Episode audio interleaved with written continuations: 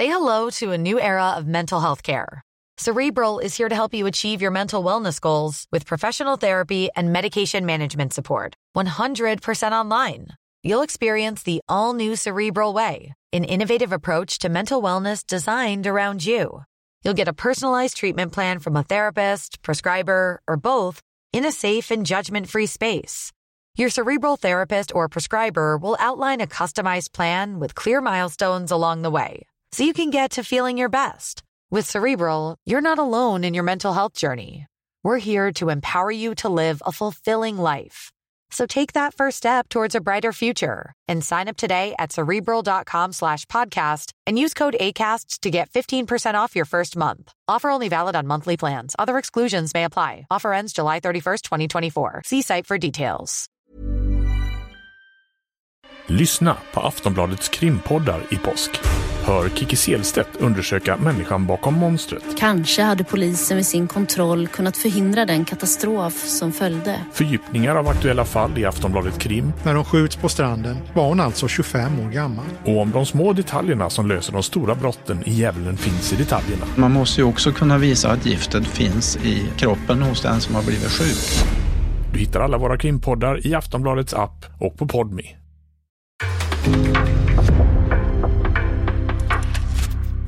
En podcast från Aftonbladet. In the supermarket, you have eggs class 1, class 2, class 3. And some are more expensive than others, and some give you better omelets. That's the wrong information. Wrong, wrong, wrong information. I didn't say that. That's the wrong information. Do you think I'm an idiot? Wrong, wrong, wrong information. Now look at me when I talk to you. Your job is to tell the truth. That's the wrong information. Wrong, information. Sillypodden, en vecka har gått sedan det allsvenska stäng- fönstret stängde. Vi har Mm. en hel del att eh, hantera därifrån. Eh, men det enda vi kan slå fast är att there's only two things in life that's certain and that's taxes and death. Exakt. Och eh, John Guidetti är kvar i Alaves. Eh, Precis. så är det. Ja. Eh, och det, det är såklart, en del blev besvikna där ute när det inte dök upp någon John Guidetti eh, i AIK-tröja när det hela var liksom, när dammet hade lagt sig. Exakt. Och det kan man förstå. Vi kommer ju till det här nu också snart, men det är ändå intressant bara faktumet att dess paniklösning för att man inte får Guidetti över våren typ är en bättre spelare än John Guidetti. Jordan Larsson. Ja. ja, men vi kommer ju till det sen. Nej men det, det, det mest, eh, eller roliga ska man inte säga att det var, men det är liksom fascinerande att se Henrik Jurelius här som eh, jag pratade med efter transferfönstret hade stängt där på fredagen. Eh, då hade de ju mediadag eh, inför, eh, inför allsvenska premiären då. Och eh, jag fick sitta ner med han själv och han var, han såg ruskigt sliten ut och han erkände väl utan omsvep också att det var en av de värsta dagarna i, i sedan han tog över som sportchef i AIK. Att de inte löste John Guidetti och där så, ja men han var ju ganska tydlig med det. Jag frågade rakt ut bara, men trodde ni att det var klart? Ja, flera gånger sa han. Eh, För att, och vad jag har hört nu, det har inte han bekräftat, men han eh, liksom sa mellan raderna, eller sa mellan raderna, sa ganska öppet att ja men vi var eh, överens med alla väst, men sen ändrade de på villkoren. Eh, och som jag fattade så handlar det om väldigt mycket pengar, 8 miljoner för att köpa loss honom eh, liksom för eh, liksom två och en halv månad innan kontraktet går ut i sommar. Så att det var ju alldeles, var ju inte, Nej. AIK skulle ju inte ha liksom tanke på att betala det. Eh, men, eh, och däremot så var det ju liksom, som jag har hört så hade de ju, de hade gjort klart då, han var ju på väg att boka flygbiljetten när de ringde. Eh, men min solklara teori här är ju att Alaves vill jävlas med John Guidetti. Det finns ju inget annat. De har velat bli av med hans höga lön i typ tre, fyra fönster. Han har inte gått någonstans. Nu det, vill han iväg. Då säger de så här, men vad fan, du vill, vi har ju inte velat dra härifrån de senaste tre, fyra fönstren. Här, nu- nu va- passar va- det Ja, liksom, precis. Varför ska vi hjälpa dig? Och då tänker de så här, ja vad spelar för roll? Vi är ändå, eh, vi kommer ändå, vi har betalt så mycket för honom. Vi betalar, betalar två och en halv miljon eh, mer i, må- i eller två och en halv miljon i liksom resten av hans månadslön i två månader. Det skiter de i tror jag. Så att jag tror bara det är att jävlas med John de gör det här. Alltså jag tror det, det blir ju en lite, här är ju kulturkrocken mellan en stor liga och allsvenskan.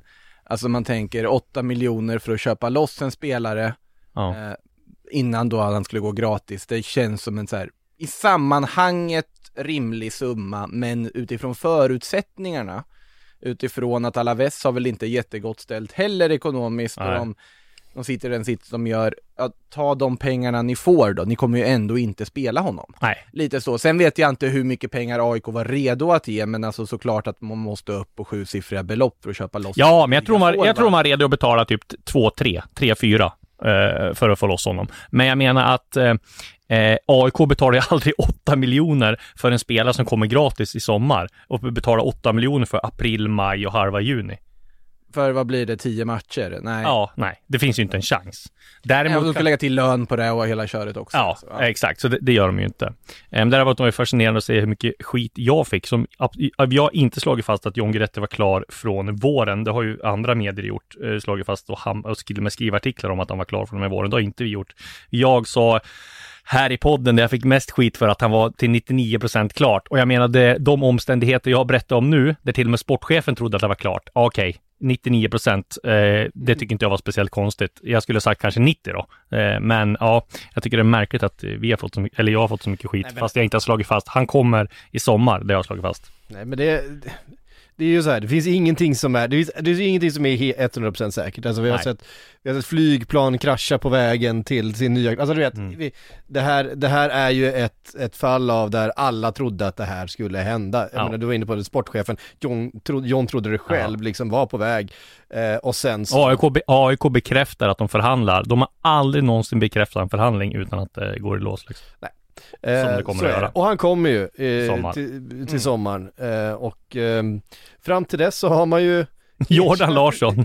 plockat in Jordan Larsson, Ja. som, som här och nu har ju ett marknadsvärde som är, ganska långt högre än John Guidettis. Ja, men alltså grejen var ju att Jordan Larsson ledde väl ryska skytteligan för typ eh, ett och ett halvt år sedan. Ja, eh, ja Ja, ett förra, år sedan. Förra säsongen Ja, tror exakt. jag han, eh, ja. Och, och grejen var ju att han var ju med på någon landslagssamling, någon kvalmatch tror jag till och med. Och då trodde man att nu är han på väg att skaffa sig en bofast plats. Men sen så gick det någon eh, landslagssamling där då han inte var med. Då tyckte man så här, vad, konstigt att inte han är med. Och liksom Janne, var, varför är inte Jordan Larsson med? Och så fick han förklara det. Och nu är han inte varit aktuell. Han har inte gjort så mycket mål nu, men jag menar, det ju svårt att se. De försöker få, alltså han, med största sannolikhet blir han ju spelklar till i matchen mot IFK Norrköping här och eh, ja, men han går ju direkt in i startelvan. Nej men vi, eh, eh, det vi pratade ganska mycket om honom då förra sommaren ju Ja. inför EM. Eh, han var ju med på lägret där eh, inför. Eh, var med också med i eh, Banco Frändéns podd igen. Ja. Kan ni eh, lyssna på den intervjun? Jättebra, han pratar ju ehm, om allt möjligt. Mm. Eh, men eh, bland annat om sitt liv och växa upp med, med Henke som farsa och så vidare. Eh, den är väldigt bra den intervjun om att vara rasifierad i det svenska landslaget och så Mm. vidare. Han har väldigt mycket bra tankar runt eh, framförallt hur det var för hans pappa tror jag. Mm. Eh, som ju var kanske mer utsatt. Eh, Ja, verkligen. Lyssna Ja, på, lyssna var på den intervjun. Den, den är väldigt bra. Han är, han är en eh, förståndig eh, herre, Jordan Ja, Larsson. Eh, och han eh, kommer tillföra väldigt mycket för AIK tror jag, för att det är en, det är en väldigt duktig fotbollsspelare och han har, han har ju vuxit ut till en, alltså jag vet inte vad man ska kalla internationell eh, klass, men det håller han ju, jag menar, leder man, jag vet inte om han till slut vann skytteligan i ryska Nej, det ligan. han Hans marknadsvärde är ju alltså åtminstone femdubbelt av John Guidetti. Ja, men det är för att han är yngre också. Ja, yngre också, Ja. men också att han gör mål. Han har också det, det, gjort inte- mål de senaste det fem åren. intressanta blir ju det här skiftet i sommaren, för vi kan väl räkna med att Jordan Larsson är till sommaren, sen kommer Ja. han ha större uppdrag. Ja, men både Jordan Larsson och Sead Haksabanovic har jag extremt svårt. Ja, men dels, jag tror Jordan Larsson har ju en superlön i Spartak Moskva. Den kommer inte han ge upp för, för och det har ju liksom AIK inte råd alltså att betala. Jag menar, Sead har ju också jättelön i Rubin Kazan. Ja, och de, de får väl ganska gott, liksom, det kostar ju ändå mycket för de här få månaderna att ta Ja. in dem, men det är så pass bra spelare att de kommer göra sån skillnad, det kan Mm. vara värt det. John Guidetti ser man ju inte riktigt samma den effekten på att, man kan ju säga så här, ja men titta på att ja, Djurgården valde att plocka Haksabanovic och lägga miljoner Ja. i löner på att han ska spela några månader. Jo, men han kommer att göra skillnad, han har redan gjort skillnad. Ja. John Guidetti är inte riktigt på den, Nej. det är inte den effekten du får på det här sättet, John Guidetti är en långsiktig Exakt, och, sätt. och sen är ju han med i, så här, så här tror jag, jag tror att det är bättre också för Gudetti att komma in där när han kommer. Han kommer inte ha speciellt, han kommer inte ha lika stor press på sig när han kommer in i sommar. Antingen kommer AIK vara med i toppen, okej, okej, då kan jag tillföra det här. Eller som kommer att vara med i botten, då har han liksom allt att vinna. Han, han, och, och, och sen så kommer han ju kunna komma hit eh, till, till Stockholm och träna med laget, lära känna alla innan, i typ två, tre matcher innan det är dags för, för match. Jag menar, tänk om han skulle ha kommit hem nu och liksom börja med en premiär borta mot Häcken på ett blåsigt Bravida Arena på konstgräs. Ja, men det känns ju sådär. Men det kanske hade blivit hemma då mot Norrköping istället nu. Mm. Och då blir det ändå så här, skulle han komma in nu, ja men det blir ganska stor press komma in. De har förlorat första matchen här säsongen och nu har vi John Guidetti, nu ska vi köra. Så det känns som att jag tror det kan, det finns en del fördelar också med att han kommer nu i sommar. När, du, när man har hängt också i de städer han har gjort de senaste åren så känns det som att eh, han har inget emot solen när han kommer hit på sommaren istället. Det, Nej, känns som en, eh, exakt. det känns som en sommarmänniska, John Guidetti. Men däremot jag tänkte på, du var ju och såg Norrköping va, i helgen? Ja. Ja. Alltså, se, jag, Rickard Norling måste ju vara vansinnig på att Norrköping inte ens är med i matchen om någon av de här. Varken Sead Haksabanovic eller Jordan Larsson. Vad tror du? Alltså, sett till där de visade där så känns det väl under, men sen Norrköping har inte jobbat, ja nu kommer ju Dagerstål in. Nej men jag menar, varför jobbar, varför är de inte med i matchen? Va- Varför liksom, jag, det har jag också svårt att förstå. Jag förstår det där liksom inte, varför inte de Nej, eh, tror- liksom alltså, försöker. Utan att veta såklart att man inte har en sportchef har väl en, är väl en aspekt i alltihopa, det, det är väl naturligtvis så. Ja. Men jag tror att till exempel, för det där exemplet som man kan, som går att relatera till den där man var med i matchen och fick in, det var ju Filip Dagerstål som också kommer på ett korttidskontrakt. Jo, men han hade väl inget Ja. annat överhuvudtaget. Nej men sen är det också han, han är en grabb från stan och så Ja. vidare, det hjälper. Jag tror helt enkelt inte att man vill jobba med så pass, alltså ekonomiskt tunga kortsiktiga lösningar, det är min Nej. spontana gissning. Eh, sen, sen så kan man ju, det var väl en granskning som jag tror Fotbollskanalen, våra kollegor där gjorde där Mm. om hur mycket man har betalat i agentavgifter. i Åtta fjol, miljoner, ja. Där IFK Norrköping toppar listan över Ja. hela allsvenskan. Eh, Men det var ju bara för Sead Haksabanovic va? Ja, Att det de var ju det betalar- som drog upp det också. Ja. Och då kan man ju räkna med att det finns väl säkert agentavgifter inblandat till att få locka över Sead Sabanovic Ja. i ett sånt här läge. Han ville väl också dessutom till Djurgården, han ville Ja. spela inför den publiken. Jag tror inte Norrköping var med i matchen på den fronten. Eh, så att det har väl med det att göra, att man inte är med i de matcherna. Man har ju valt en annan väg med värvningar, det är ju tydligt att man har pinpointat, ja men de här positionerna behöver vi förstärka, de här positionerna ska vara in spelare på, det ska vara spelare som kan lyfta, öka i värde och ja, man försöker ju göra, ha samma filosofi som man hade under Jens Gustafsson när han var manager och var otroligt lyckad på, som manager också, för han lyckades ju verkligen plocka spelare som kanske var lite under radarn för andra, förgylla dem och sen så går de för 30-40 miljoner Ja. efter. Det och var- det ska de kö- fortsätta köra på nu liksom. Det är, ingen, det är väl det ja. enda rimliga för en klubb Ja. av IFK Norrköpings storlek. Det som är alarmerande med Norrköpings premiär överlag tycker jag väl nummer ett publiksiffran faktiskt. Det är bara Mm. drygt 6000. Det var ju samma sak i Borås. De var Ja det är eh, otroligt oroväckande liksom efter pandemipremiärerna här nu. Ja. Vi har de siffrorna i de min alltså, mindre städerna. Mm. Så att säga. Det är inte så- de absolut tre stö- största storstäderna. BK Häcken-nivå. Ja, BK Häcken hade väl ganska bra spel Ja. till och med. De hade ungefär samma tror jag, det var 6000 Ja, men det, det- säger väl allt. Ja. bå- Både i Norrköping då var det fy- och på 3-4 Bravida. tusen AIK också så. Ja, ja men det, Var det där, är klart, ja. det var ju AIK. Men var det 3-4 tusen Ja. som reste dit? 3000 tror jag. Ja, det är rätt bra. Nej men alltså, och Norrköping har Varberg hemma, Elfsborg har Mjällby. Ja, alltså, nej det är klart. Och det, men- det- var svinkallt va? Och det var Ja men det är ändå oroväckande att det ser Ja. ut så i en premiär. Ja. Det är ganska oroväckande och då undrar man hur mycket tror staden på det här laget just nu? Nej. Eh, nyförvärven i sig som kom in, alltså man märker ju så här, Ekpolo kommer vara hur nyttig som helst för dem i den där trebackslinjen den här säsongen. Eh, Jean Carlos de Brito har en väldigt hög höjd som alltså vänsteroffensiv ytterback. Ortmark har ju mycket fotboll i sig när han börjar in och Eid lika så men det fattas någonting. Det är väl ganska Ja. tydligt, men jag tror aldrig att Norrköping ens var aktuella att ge sig in på sådana korttidslösningar likt de stora Stockholmslagen gör. Det känns inte IFK Norrköping. Jag tror inte att det hade gått hem så väl heller bland fansen. Är min Nej. gissning i alla fall. Eh, spännande match för Rickard Norling Minst sagt. i, på söndag. Minst När de möter AIK på fredag. Ehm, vi nämnde Haksabanovic där. Han, han ser ju rätt fin ut, Verkligen. man säga. Finns det, alltså, om man ska dra en sån här parallell internationellt så är det otroligt mycket Eden Hazard över honom. Verkligen. Alltså, Precis så ja, tänkte alltså jag också. vän, vänsterytter, alltså, otroligt teknisk, går inte att ta bollen av. Lite för lite udd ibland på att han kanske inte kan förvandla det här till poäng och liksom mål och assist. Gjorde nu gjorde han, ja nu gjorde han ju mål såklart, han kan ju typ göra 10 det. minuter. Jo, men överlag om man tittar på honom. Ja. Eh, Men såklart det är en jättenyttig spelare, du har ju alltid honom där. Du vet att om du ger bollen till honom kommer han göra något konstruktivt, något intressant med den och han länkar upp på alla sätt och vis. Så att det... Mm. Nej, det var ju en otroligt bra premiär för Djurgården får man ju säga. Mm. En annan som levererade direkt var Kiese Thelin. Där har vi höga förhoppningar att Verkligen. han ska eh, vara liksom Malmös number one den här säsongen. Lagkapten i min eh, allsvenska fantasy. Ja du ser. Men eh, man skulle haft Jeremejeff i och för sig, eh, som gjorde Ja, det- tre. men Men, alltså, nej men Isak Kiese var ju nu kommer det dröja tre, fyra mål, tre, fyra matcher så gör han ett hattrick till. Nej, exakt. Men Isak Kiese var ju rätt osynlig ändå, men jag menar, han avgör matchen. Eh, jag vet, jag vet inte hur många man räknar räknat ut de senaste åren, hur många matcher, eller hur många mål han hade gjort med förra sessionen han var i Malmö och det var extremt viktiga eh, mål han hade gjort, så att han kommer ju betyda väldigt mycket och ja, det kommer vara en klassvärvning och han blir, kommer ju bara bli bättre och bättre också. Jag tror att det tar ett tag innan eh, man ställer om från Förenade Arabemiraten till en snöig vår i Sverige. Eh, samma sak med Bubakar Travalli som eh, Hammarby värvade in här. Han landar på torsdag eh, från eh, Dubai flyger han Mm. och han väntar på arbetstillstånd. Men det var inte aktuellt, även om han hade fått arbetstillstånd, att hans premiär skulle bli borta mot Sundsvall på lördag i minusgrader och snö. det blir liksom en, en, en grad, gradskillnad på, jag vet inte, 70 60-70 grader. Ja, det påminner mig om när eh, det var ett handbolls VM eller EM i Sverige någon gång för eh, massa, massa år sedan och eh, radio, eller TV-sporten var på plats på Arlanda för att välkomna det egyptiska landslaget till, eh, till Arlanda och ingen av dem hade ju en jacka på sig.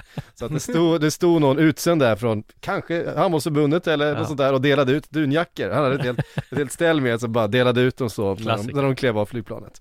Eh, det satte sig. Eh, Mm. Man kan tänka sig något liknande att någon behöver stå där med en jacka och ta emot honom för att fan vad kallt det är ute. Jaha. Eh, värdelöst vinter. Tänk dig då första, om första bortamatchen skulle vara Sundsvall borta, så får man åka du vet sån där flyg från Stockholm till Midlanda, så här bra flyg från Bromma med två propellrar och så kommer man in och så snöar och så sen Usch, debuten på vi konstgräs. en debut på konstgräs. Nej då, men han blir väl eh, spelklar om någon vecka. Där är det gäller ingen jättebrådska. Eh, men det blir spännande. Men jag tänkte jag skulle säga det med om eh, Malmö och Kalmar FF. Det där är ju en sån där seger att vinna där med, Ja, med 1-0. Det kommer inte bara att åka till Kalmar och hämta poäng den här säsongen. Verkligen inte. Eh, Du får inte låna så mycket boll om du åker till Kalmar, det är det. Men det är också det som är lite imponerande med att Malmö gör det här att det är ju få lag som är så pass topptippade i matcher men kan vara så bekväma med att inte föra en match. Nej, precis. Alltså, och ändå löser tre poäng. Det är ju en styrka de har haft förut och visar direkt här i premiären. Och prestigevärvningen, anfallare gör mål direkt. Det är, Ja men det, det är ju precis det här, för att det där är att, att vinna en sån här match med 1-0 mål med liksom en kvart kvar, det, vet inte, det, det känns som, det är precis sånt där man behöver göra om man ska vara så dominant som alla förväntar sig någonstans att Malmö FF ska vara. Ehm, det förväntar vi oss alltid, det, sen är de aldrig det. Eh, eller ja, ibland, men eh, förra säsongen var de det inte.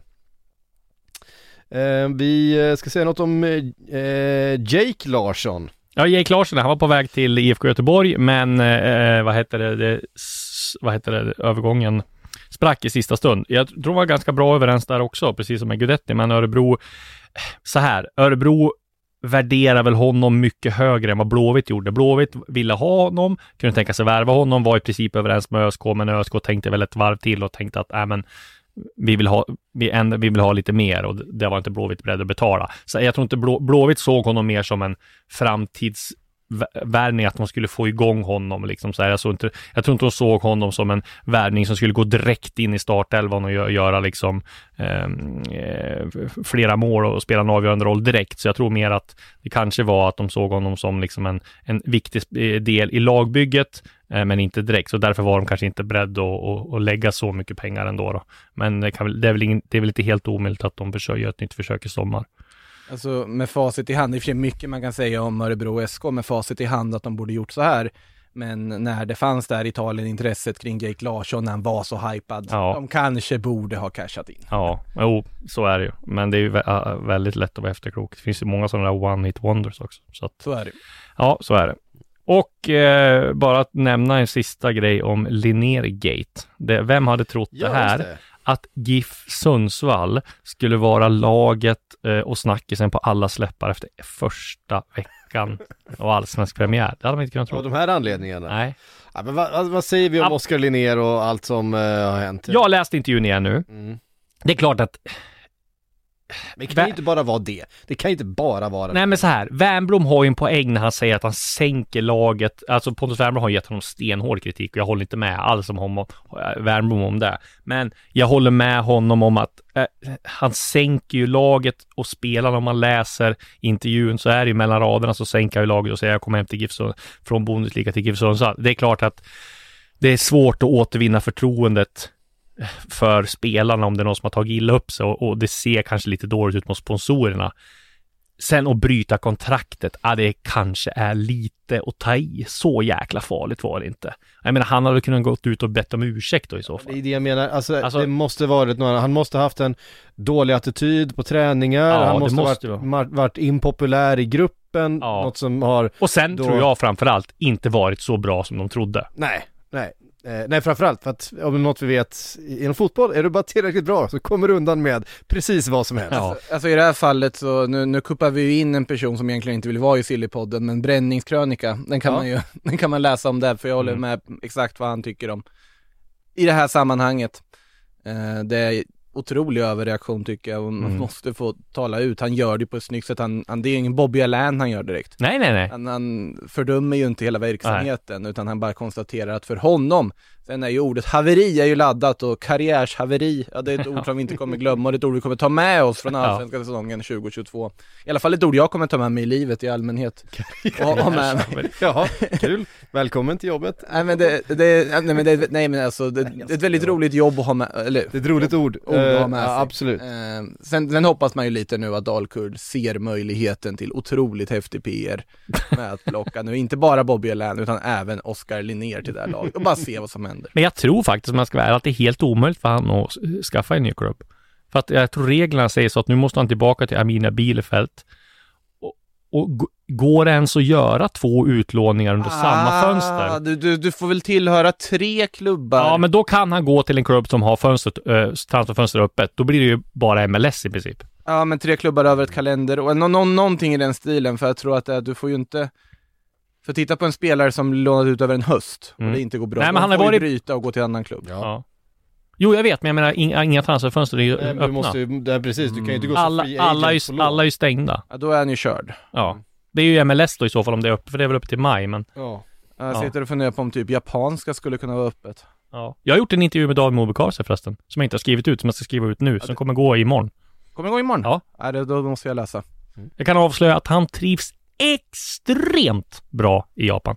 Extremt bra. Jag, ty- jag tycker Är du förvånad eh, Makoto? Absolut inte. Jag känner också att det, det är fint att det kommer, det, det är bra människor som flyttar till Japan. Så Mm. Emil Salomonsson Ja. har jag hyllat i den här podden så många gånger. Ja. Hur han tog sig an kulturen och David Moberg Karlsson verkar göra detsamma. Man blir bara glad. Första, eh, då- jag kan göra lite teaser, första han sa var typ att "Nej, jag skulle kunna, jag var det här en månad, jag skulle kunna skriva ett sexårskontrakt. Nej, mäktigt. Nej, men jag tror också att det är ett eh, ett Sen sa han jävligt häftigt eh, äventyr och, eh, jag menar, får- det är klart, alltså, det, det är klart att Japan är ett väldigt bekvämt land att leva i. Det är, saker och ting funkar. Jag tror att organisationen i, i den, liksom de sportsliga organisationerna fungerar, är förutsägbara. Du har okej betalt, du har bra betalt Som till och med. utländsk stjärna så har du bra betalt Ja. och får en stjärnstatus utan Ja. tvekan. Och jag menar, du, du, du, det är mycket uppmärksamhet men du har också uppmärksamhet med respekt. Han sa det också, jag frågade om man eh, stöter på mycket reaktioner när han går ut på stan, mycket supportrar så här, så bara, "Au, det blir ju en del. Eh, min fru är blond, eh, min, min, mitt ena barn är blont, eh, och jag, ja, jag spelar ju fotboll i en region liksom, ja, som, eh, där alla älskar fotboll. Och sen är jag ju tatuerad, jag har tatueringar till och med på händerna, så att jo, jo de känner ju igen mig liksom. Det är, det är inte liksom, det är inte mitt i centrala Tokyo han susar omkring, det är ute i Saitama, det är ju inte Ja. någon sån här turistort direkt, så att det har ju med det att göra också. Är det Men Japans han sa att alla var Borås? Ja, det, nej det skulle jag nog inte kalla det, vad vad ska man kalla Saitama då? Uppsala. Ja men något i den stilen, Mm. Saitama, det finns inte mycket till universitet där vad jag vet, men i alla fall så, ja Jag någonting. säger det, Japans Borås. Men det var inte Urava de hette? Ja men Urared spelar ju i Saitama. Ja, ah, så är det. okej. Ja, de spelar på Saitama arenan, den Sverige Ja. har spelat på i både Ja. herr och dam landslagssammanhang. Där man var i somras. Nej men nej, han får väl se till att vara kvar där ett tag så man hinner åka dit och hälsa på och kolla Ja. läget. Ja, ja, det är... Du har sex år på det. Om man skriver ett nytt. Ja då kommer jag garanterat lösa det. Om man, om man är kvar, och så det sexårskontrakt så blir det på plats reportage från, eh. På stan med David Moberg Karlsson. Mm. When you're ready to pop the question, the last thing you want to do is second guess the ring. At Bluenile.com, you can design a one of a kind ring with the ease and convenience of shopping online. Choose your diamond and setting. When you find the one, you'll get it delivered right to your door. Go to Bluenile.com and use promo code LISTEN to get $50 off your purchase of $500 or more. That's code LISTEN at Bluenile.com for $50 off your purchase. Bluenile.com code LISTEN. Då tar vi och eh, rör oss eh, internationellt då via Japan och David Moberg Karlsson ut i världen. Eh, och det är ju de gamla långkörarna som, eh, som, som låter där ute. Det, det gnisslar och det rasslar och det handlar om Mbappé och det handlar om Mohamed Salah och det handlar om Gareth Bale och Eden Hazard eh, och så vidare. Eh, men vi, ja, det är väl bara att beta av dem, för det händer ju saker i alla de här eh, historierna. Nu öppnar ju Kyran Mbappé för att bli kvar i PSG. Ja, han fick, han gjorde ju två mål och tre assist mot Lorient i helgen, helt okej facit för en match. Han är ju ganska bra. Han är ju ganska bra och då mm, pratade han ju med eh, media efter och sa väl det att, nej men jag har inte bestämt någonting och jag skulle ju säga rakt ut om jag bestämt mig. Yeah right, tänker man ju såklart. Och sen så då får han en snabb fråga lite där på att så här, men kan du tänka dig vara kvar i PSG? Ja, visst, säger han då. Och sen har ju allt dragit igång efter det. Eh, och då var det RMC Sport som eh, rapporterade, eh, Daniel Riolo, deras reporter, var väl en av de första med att breaka Messi till PSG när det var igång. Sa ju det att jo, Mbappé kommer att förlänga med PSG, det kommer presenteras i maj. Och det som ska lägga bakom det här är ju att franska staten ska ha gett sig in, alltså nu pratar vi Macron, vi pratar Mm. Sarkozy, som ska ha ringt Kylian Mbappé för att övertala honom att stanna i PSG. Och ja, Är inte han eh, eh, Marseille-supporter, Macron? Ja men det, det är viktigt för liksom den franska BNPn att Kylian Mbappé stannar i ligan. Det är liksom den nivån. Eller, eller för relationen med Qatar, Ja, jag vet inte. En Marseille-supporter måste hata PSG. Det är väl Ja, fast han gillar det franska landslaget. Ja. Ehm, nej, nej, jag vet, det, det, det råder ju olika delade meningar om vilka som egentligen gett sig in i vad här. Men oavsett så har ju det här med Kylian Mbappés framtid blivit betydligt mycket större än fotboll. Eh, Det är väl tur att Champions League är Uefa-styrt och inte Fifa-styrt, för annars skulle väl PSG ryka på statlig inblandning eller någonting från nästa turnering. Eh, vilket ju inte är tillåtet i Fifa-regler. Men eh, oavsett vad så då har det kommit uppgifter om att Mbappé nu ska stanna samtidigt, samtidigt som det dundrar ut så har Karim Benzema gjort en intervju i L'Equipe där han pratar om hur kul det ska bli när han säger att ja men vad roligt det har varit om Kylian kommer, vi kommer göra dubbelt antal, dubbelt så många mål om vi skulle spela med varandra i klubblaget också, säger han. Det är någonting man inte bara går ut och säger om Nej. du inte vet att han är på gång. De känner ju varandra väl. Mbappé har ju säkert avslöjat vad han ska hitta på för sina funderingar till sina närmaste liksom landslagskompisar och klubbkamrater. Eh, så det talar ju för att, och i Spanien tror man ju fortfarande han ska till Madrid. Mm. Så att, men ja, det är ju ändå väldigt mycket mer tecken som pekar på PSG, att PSG ändå är ett alternativ nu än jämfört med tidigare. Och dessutom ska även RMC rapportera att en tredje icke namngiven klubb ska ha blandat sig i spekulationerna här också. Den ska inte vara Barcelona utan någon annan klubb. Och då är frågan om det kanske är eh, Liverpool, möjligtvis kanske. Eller Manchester City eller, ja, vem vet? Gisses. Men eh, jag bekräftar här eh, att eh, Macron är Marseille-supporter, så vi kan inte ta någonting han säger om PSG på allvar. Eh, jag sågar den källan direkt. eh, Ska vi säga någonting om Chelseas totala haveri? ja, vi pratade om det i Premier League-podden gjorde det. i, i måndag såklart, men Nej, Men det- det... men det är väl en baksmälla att man laddar inför uh, det kän- kvarten i, eller det är, de spelar ju ikväll här Ja. mot, eh, mot Real det Madrid. måste ju vara något sånt. Eh, och det är klart att kombinationen kanske av att ehm, Luften har gått ur klubben lite grann. Ja, men kombinationen av att, för eh, Thomas Tuchel adresserade ju stämningen på läktaren eh, i sin intervju här, sin presskonferens inför eh, Champions League-mötet och menade på att ja, men vi vet att vi kan ha den här stämningen, vi kan ha eh, framförallt Ja. i liksom Europaspel och kvällsmatcher och så vidare, vi kan, och det är jätteviktigt, vi kommer liksom inte kunna lösa det här utan det stödet och så vidare. Så att uppenbarligen så mm, har, känner de av att det är liksom lite jobbigt runt klubben, de här protesterna mot Ricketts, eh, det eventuella övertagandet då från de här amerikanerna. Eh, och sen är det klart att, sen är det ju en match som, ja, Rydiger smäller ju in den bollen från 30 meter och det känns som att, ja men det här reder de nog ut. Eh, sen är det ju lite tillfälligheter och lite, man står på hälarna, det är väl kanske lite baksmälla från eh, landslagsuppehåll och så vidare. Det är ju inte helt ovanligt att man gör en lite, ska man säga, sämre match eller lite mer eh, ja, en man, mindre samspelt match Nej, än vad man brukar göra direkt efter ett landslagsuppehåll som nu. Så att jag tror också, som vi var inne på där, det är nog mer ett, en, en plump i protokollet än, än en generell trend. Men det är intressant här ändå att Tuchel i sina eh, intervjuer inför den här matchen har adresserat stämningen på läktaren. Mm. Det är ju bara säsongskortsinnehavare som som är, är på läktaren. Eh, De får ju fortfarande inte sälja biljetter. Och då vet ju alla varför det är så dålig ställning på läktaren.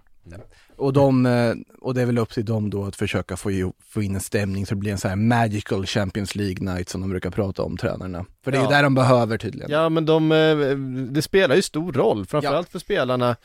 När man har fått en sån här förlust emot sig, det kan vara lite, lite knorr, en del undrar Mm. vad, som händer med sina kontrakt.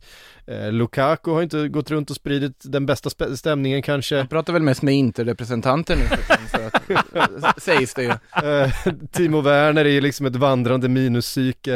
Eh, det är ju... Dåligt tecken när en spelare pratar mer med andra klubbars representanter än sina egna. Han pratar bara med sitt ex. eh, och så vidare. Nej, jag vet inte, men, men eh, det är intressant. Och det är ju intressant det här med, med Rydiger också ju, för att han är ju en av spelarna som det ryktas väldigt mycket om. Sen känns ju han som en mentalt rätt så stabil herre.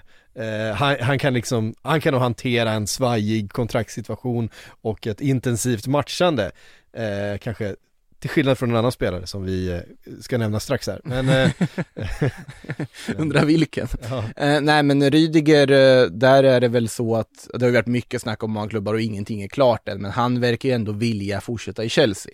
Han verkar fortsätta vilja vara en del av det här laget och om de kan komma överens om de ekonomiska bitarna, han får den här lilla löneförhöjningen han vill ha, så tycker jag väl att det är en rimlig kontraktsförlängning att göra, för det är en världsback. Tycker det är en Ja, det- otroligt det skicklig back eh, på alla sätt och vis. Nu verkar det inte bli Barcelona i alla fall, för att det verkar ju varit så att de bara sonderade terrängen där med det där mötet för att ja, de var osäkra på status med Ronaldo Araujo. Ronaldo Araujo som nu, ja, samstämmiga trovärdiga medier från alla möjliga håll och kanter har ju basunerat ut här att mötet igår gick bra. De gick ut med glada miner från eh, sin kontraktsförhandling och det mesta tyder på att Ronald Araujo förlänger med Barcelona trots intresset från Manchester United och Arsenal och så vidare. Eh, Och det är ju en eh, no-brainer till kontraktsförlängning för Barcelonas del, för Araujos del får vi väl se hur det går men ja, det är en, han har gjort jättestora framsteg, fick stora genombrott under Ronald Koeman förra säsongen och en otroligt skicklig ung back som de absolut skulle förlänga med och nu verkar också göra. Från en kontraktsförhandling till en annan då. Eh, Mohamed Salah Eh, har ju befunnit sig i snart ett halvår i, i förhandlingar med eh, Liverpool om ett nytt kontrakt. De har eh, enligt Salas agent inte varit helt nära varandra i den här förhandlingen, vilket har gett en del frågetecken runt om det överhuvudtaget blir något nytt kontrakt.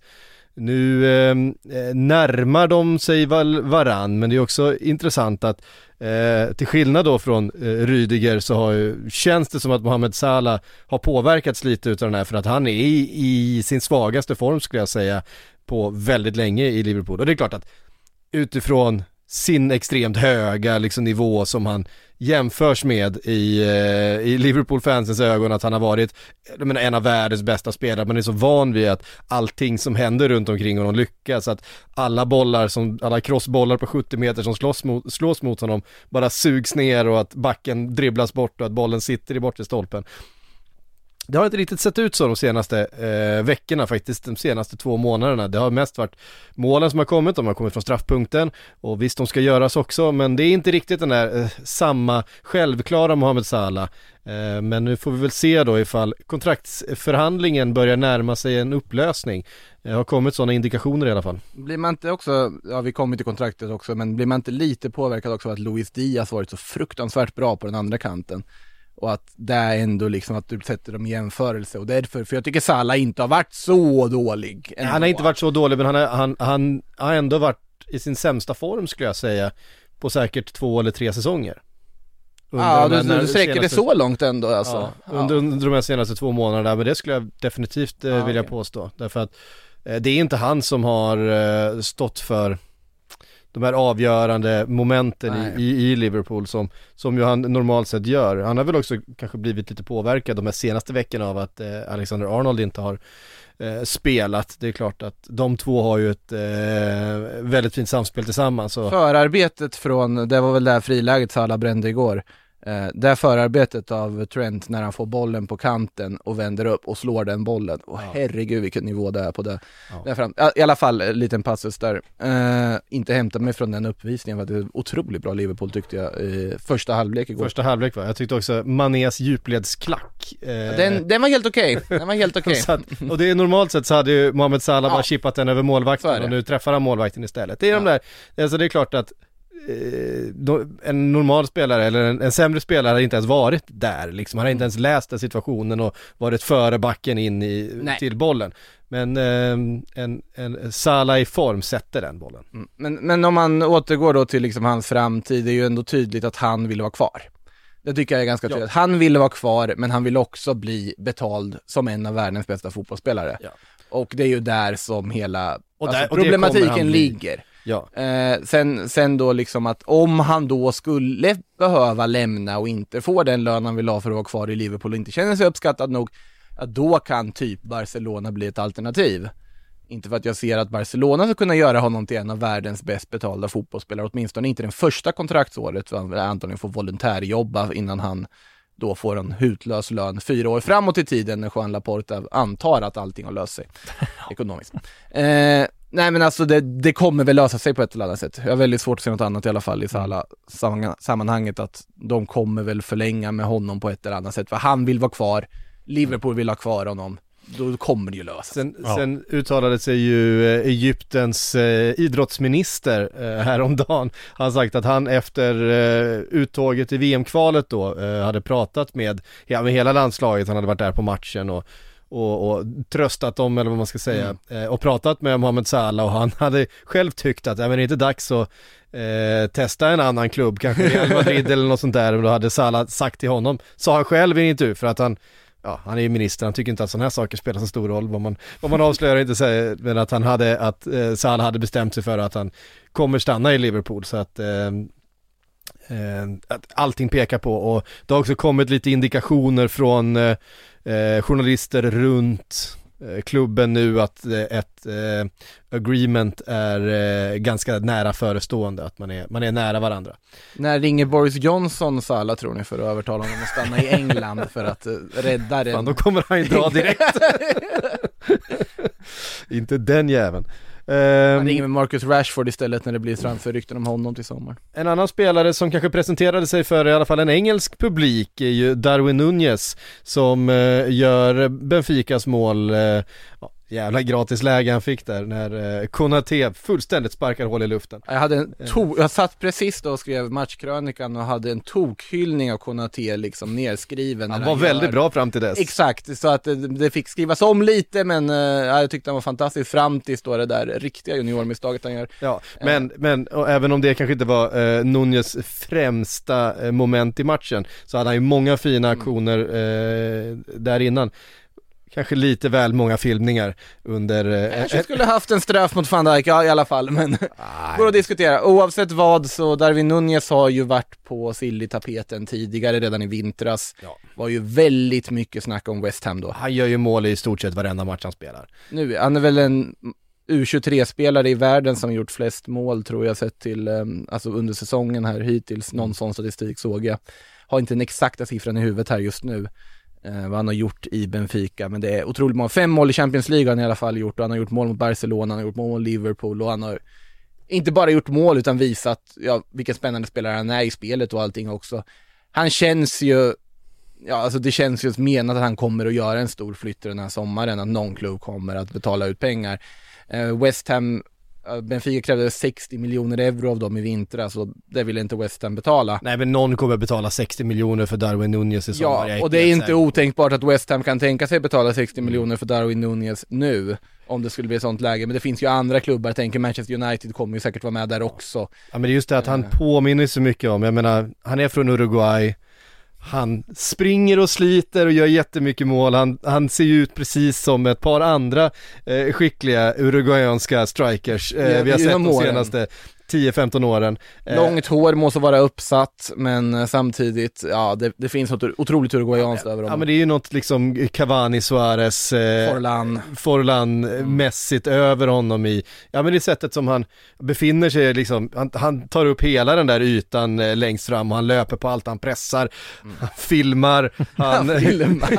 ja, han, ja men vad fan, han, han, han, han krigar och, och han gör jättemycket mål och det är klart att eh, eh, en sån spelare är värd mycket pengar va? Eh, De växer inte på trän. Och det, och det är Premier League tror jag, som han kommer att hamna i, väl Mm. när han flyttar. Frågan är vilken nivå av Premier League-klubb vi pratar. Och om West Ham kan lösa honom så tror jag, så känns det som en jättekupp för det finns Det är otroligt lyckat av dem om de skulle lösa det nu, för de, de kanske borde betalt de 60 i vintras. Folk hade ju reagerat, vad håller ni på med? Vet du vad som kommer hända? Nu, nu ser jag, nu, vet du vad som kommer hända nu? Nu, nu har, nu har du Ja, sett något. nu bara trillar polletten ner. Helt plötsligt dyker Manchester City upp, tar eh, Darwin ja. Nunez, gör honom till världens bästa jävla Nej, det för är de har redan- Agüero och sen så, och sen så, och så kan ni andra ha era Haalands och era Keynes och så De vidare. har redan subtilt tagit Julio Alvarez. De har redan spelare som ska bli nya Agüero och ingen reagerade på att de värvade Julio Alvarez i vintras. Som är argentinsk landslagsman, kastar in mål på skoj i River Plate. Eh, jättespännande, pratades ju jättemycket om andra klubbar. Ungefär West Ham storlek på klubbar innan. City bara går in, bam, plockar honom med, ja, och lånar ut honom tillbaka till River över den här säsongen. Han kommer ju i sommar. För jag tänker, det känns Eh, liksom som... Han är redan där. Ja men det, det känns ju som att, men så här, Ferran Torres, eh, Gabriel Jesus, alltså vi har sett det så många gånger den där, i precis den där, man börjar prata om, fan det här är en jävligt spännande spelare, boom så är han i Manchester City och så ligger de steget före alla Jo, jo. andra. Men Om de inte redan hade plockat Julio Alvarez som går att ranka som nästan ännu mer spännande, då, då hade jag ju hållit med dig. Här tror jag snarare att det blir andra klubbar som kommer göra upp om det. Benfica också, de kan ta en slant. De portugisiska klubbarna är bra på att ta pengar för sina duktiga spelare och Ja, talanger så att eh, men Arsenal lär väl vara med, United lär väl vara med, Tottenham lär ju dyka upp i något form av rykte. Jag skulle inte förvåna mig om ni, Liverpool dyker upp en sväng där också. Ja, nu har vi då eh, anfallare så det räcker va? Ja, det beror på vad som händer med Salah ju. det beror på vad som händer med Salah i och för sig. Ehm, nej men absolut, det är i alla fall, eh, ska bli spännande att se vad som eh, händer. Eh, Paul Pogba eh, ska vi också prata om, en av eh, de senaste fem årens mest uttjatade Paul Pogba och Manchester United och vad ska hända sen han eh, grälade med Mourinho på... Har det varit ett transferfönster sedan han kom där han inte har varit med på så här listor, tio spelare som kan röra på sig i kommande Mm. fönstret? Ja, men sen, sen han hade det där, eh, den där ordväxlingen som fångades på bild då på träningsanläggningen med eh, José Mourinho och, och hamnade i frysboxen och så vidare. Vad det, vad är det, tre år sedan? Något sånt. Strax före Mourinho lämnade och, och Ole Gunnar Solskjaer kom in. Tror att det är tre år sedan. Det måste vara Ehm, så har det ju liksom, ja men gått upp och ner så, såklart eh, hans tid och, och eh, det har ju inte varit helt lyckat alltid eh, i Paul Pogba även om man visar klassen då och då eh, som finns där och PSG känns som eh, det som ligger närmast till hands, de ska ju erbjudit honom ett kontrakt. Eh, får vi se ifall eh, de kan lösa, jag vet inte vad han har för kontraktssituation i Manchester United för stunden men Den eh, går ut om två månader. det är så ja. Han är ju tokfri transfer det, och precis. eh, Ja, exakt, uppgifterna det från. Manchester Det var jag som har i hjärnsläpp här. Ja, så är det ju såklart. Eh, Ehm, Uppgifter från Manchester säger ju att eh, han i princip redan har checkat ut. Alltså, de, de har ingen chans på att vinna några fler titlar. Nej. Men det förstår man, alltså han har väl, han kostar ju för mycket än vad han levererar i United, gör inte det? ja, jo, så är det.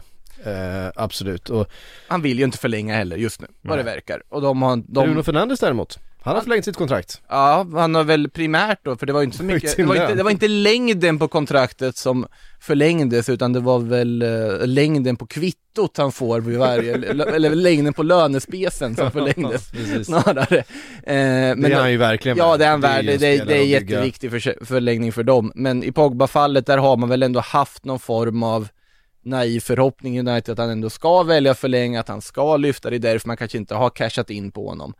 Att man har velat fortsätta med honom, man vet vilken enorm nivå han håller. Eh, nu är det ju för sent, nu är loppet kört och nu är det två månader han ska lalla runt där och sen efter det eh, så blir det ju någon annan klubb och det har PSG har ju, sägs ju erbjudit men även Juventus har ju nämnts jättemycket. Och det var ju uppgifter i Tuttosport om att Pogba, oavsett vilket beslut han tar, kommer att vänta in för att veta om det är 100% säkert att han inte kan hamna i Juventus, då går han någon annanstans. Men Juventus ska vara hans första val sägs det. Mm. Och det är lite, Men han måste ju få en rejäl lönesänkning. Det finns väl ingen som kan betala samma lön som United. Han har haft United nu. PSG kan. PSG Ja, kan, PSG kan i och för sig. Han är, det är, han är, just nu känns ju Pogba som den mest PSG-kompatibla spelaren någonsin. Ja, men det hade varit helt rätt för de behöver den speltypen också. Ja. Och de behöver, ja, franskifiera laget också, få in fler fransmän. Det är väl också en del i att de prioriterar att behålla Kylian Mbappé så mycket man blandar in staten i det. Eh, men, eh, nej men sen också så här, Juventus hade han sin bästa tid i karriären. Det känns som det finns något nostalgiskt över Paul Pogba, att han vill gå tillbaka dit och ångra lite att han kanske lämnade Juventus en gång i tiden med tanke på hur bra han var där, hur bra han trivdes där. Mm. Så att han verkar ju vara väldigt öppen för att flytta tillbaka till Turin och bli en del av det nybygget som är på gång där. Eh, Finns det något nytt att säga om eh, eh, tränarposten i Manchester United? Nu såg jag att Det känns det mer och mer som det blir Ten Hag va? Eh, det, det lutar åt Ten Hag, även om några av de här gamla drakarna har lagt sig i. Jag vet att bland annat Gary Neville och eh, någon av de andra, Class of 92, har uttryckt sitt stöd för Pochettino. Eh, Ah. och man ska inte räkna bort den där gruppen som en maktfaktor i eh, Den, Manchester United. ska ju inte vara en maktfaktor, det är alltså men deras det är problem. det. Det är det som är det stora problemet. är det är Även, även Sir Alex ska ju favorisera Pochettino över Ten Hag. Men, men det absolut roliga, Ten Hag verkade ju ändå vara, eh, luta åt, men det roligaste med det är ju vem som verkar bli hans assisterande som det börjat rapporteras om också. Det är ju också ett tecken på att det är på gång när man börjar prata om vilken stab han kommer ha. exakt. Ja. Steve McLaren. Fan vad pikt. Ja, och där är, Åh, kommer ju den här kuriosa man inte känner till som man blev väldigt glad av att läsa. Steve McLaren tydligen, när han tränade Twente, så hade han Erik Ten Hag som assisterande. Ja. En gång i tiden. Hur gammal är Steve McLaren undrar jag då? Han är 60 bara, ändå. Det är helt Jag sjukt. trodde han var äldre. Ja, Ja, men. det är jag också. jag trodde... Ja men de har tydligen jobbat tillsammans i Twente, det var en sån här kuriosa man inte känner till som dykt upp i och med det här ryktet då. Och därmed så ska Ten Hag väl nu vara öppen för att kanske ha med sig någon som kan de engelska öarna väl vid sin sida. Och då kan ju Steve McLaren vara någonting. Så kanske Steve McLaren till United, det är väl det senaste jag har läst på den fronten i alla fall. Annars, annars känner man ju bara till det man förknippar med Steve McLaren de senaste å- eller åren när man får upp en bild. Det är ju bara de här tabloid stories de har haft för sig på vid sidan om planen tyvärr. Ja, jo, Det- exakt. Eh, tog väl över eh, engelska landslaget, var det, han hade eh, precis efter Svennis va? Ja. Så det var han som tog över för Mm. Svennis ja. På tal om skandaler och utanför planen eh, företeelser. Ja, det, eh, det förvånade ju. Både att, eh, Steve, att Steve McLaren var namnet som eh, presenteras, eller som ryktas vara assisterande till Ten Hag och att han var 60-talist. Eh, det hade jag inte kunnat gissa. Jag hade gissat på 40-talist. Eh, nej, inte riktigt. Men, eh, men eh, Men, men många av tränare är så här att de har varit med hur länge som helst. ja. Det var ju som när jag själv var li, lite yngre när Kim Källström, när Kim Källström fyllde 30, tänkte på så här, wow, är han så? Är han så gammal? Ja, exakt. Ja, ehm, mm, mm, Och Det känns också som att Kim har varit med hur länge som helst, eller var med. Den enda jämförelse jag kommer göra mellan Kim Källström och Steve McLaren känns det. Den är, den är långsökt. det kan vara krystad jämförelse Ja. ändå. Då kanske man ändå ska alltså fråga sig huruvida vi får prata någonting om Zlatan Ibrahimovic. Ja just det, det var det jag skulle Ja. komma till. Det kommer ju uppgifter där om att han lägger av. Jag tror inte det. Det känns inte så. När man har sett honom på, på presskonferenser så han vill köra på. Han är, jag tror han är innerst inne lite finns det. Han är rädd för att lägga av. Han vill ha den här fotbollen fortsatt. Mm. Han vill vara med. Det känns så. Alltså, det, det här med uppgifterna, det är från Gazzetta dello Sport som eh, Mm. skriver att om han vinner en titel, alltså om man vinner Serie A-titeln med Milan, vilket de mycket väl kan göra, även om de av någon oklar anledning tappar poäng mot Bologna hemma i måndags, eh, eller vinner Coppa Italia-titeln där de har ett derby semifinal mot Inter att vänta, som ni kan se på Fy Sportbladet fan vad jag inte övrigt. tror på de uppgifterna om att om han vinner italienska kuppen så skulle man vara nöjd med det och lägga av. Det tror jag absolut. Det tror jag absolut är sånt jävla skitsnack så det finns inte. Han har vunnit, vad har vunnit? 40 titlar och så bara, nej men fan jag avslutar med italienska Jo, men alltså, kuppen. Nej men om man vinner något med detta, med, var- d'Italia. Vi ska inte så Coppa Italia, det kan man se på Sportbladet Ja, vet du. det kan man göra. Eh, 16 det kanske var april, boka Ja. in kalendern. Det var Eh, absolut Milano, ingen det- sågning av Coppa Studio Italia. på- Ja, Nej, det var absolut ingen sågning av Coppa Italia, mer att han, han, han har vunnit så mycket annat. Ja, jag vet, jag vet vad det betyder. Men jag tror att det har lite med att vinna någonting med Ja, det här är. nya Milan. Ja, det förstås. Att, att, eh, för jag håller med, det känns ju lite så antiklimaktiskt att avsluta med en cuptitel, såklart det gör det. Men no, att vinna någonting, då är han öppen för att kanske lägga av och istället ta en ledarroll i Stefano Piolis stab.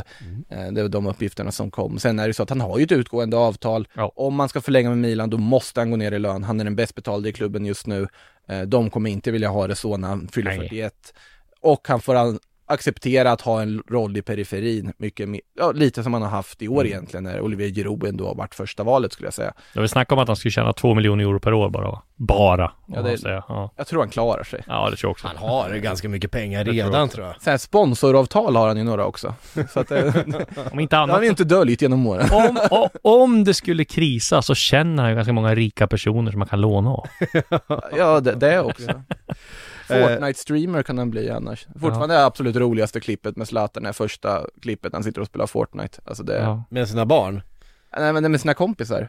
Han sitter och han, han är liksom, det är Zlatan, han är filtered, han bara sitter där precis som vem som helst och sitter och spelar med sina kompisar. Det är något av det absolut roligaste som, tyvärr så kom det till klipp när man var medveten om att folk hade sett det, då var det inte i närheten lika Nej, roligt. det kan jag tänka mig. Eh, Men det första var fantastiskt, kan jag rekommendera att leta upp. Ja, det får vi göra. Eh, hörde ni, eh, tusen tack för CD-podden den här veckan. Eh, vi är tillbaks nästa vecka igen i någon slags kapacitet. Vi får se hur det blir. Det är ju trots allt påsk och eh, vissa av oss är på semester. Eh, men eh, CD-podden rullar vidare i alla fall eh, och nu eh, närmar vi oss upplösningen i flera eh, utav de europeiska ligorna och det innebär ju att rykteskarusellen eh, vevas igång där ute i Europa allt mer och det ser vi fram emot nu när den allsvenska ryktesfloran eh, börjar eh, liksom stanna av efter att eh, fönstret stängts. Men där kommer det hända grejer även eh, framöver också ju. Exakt. Ja, tusen tack för oss, eh, på återhörande.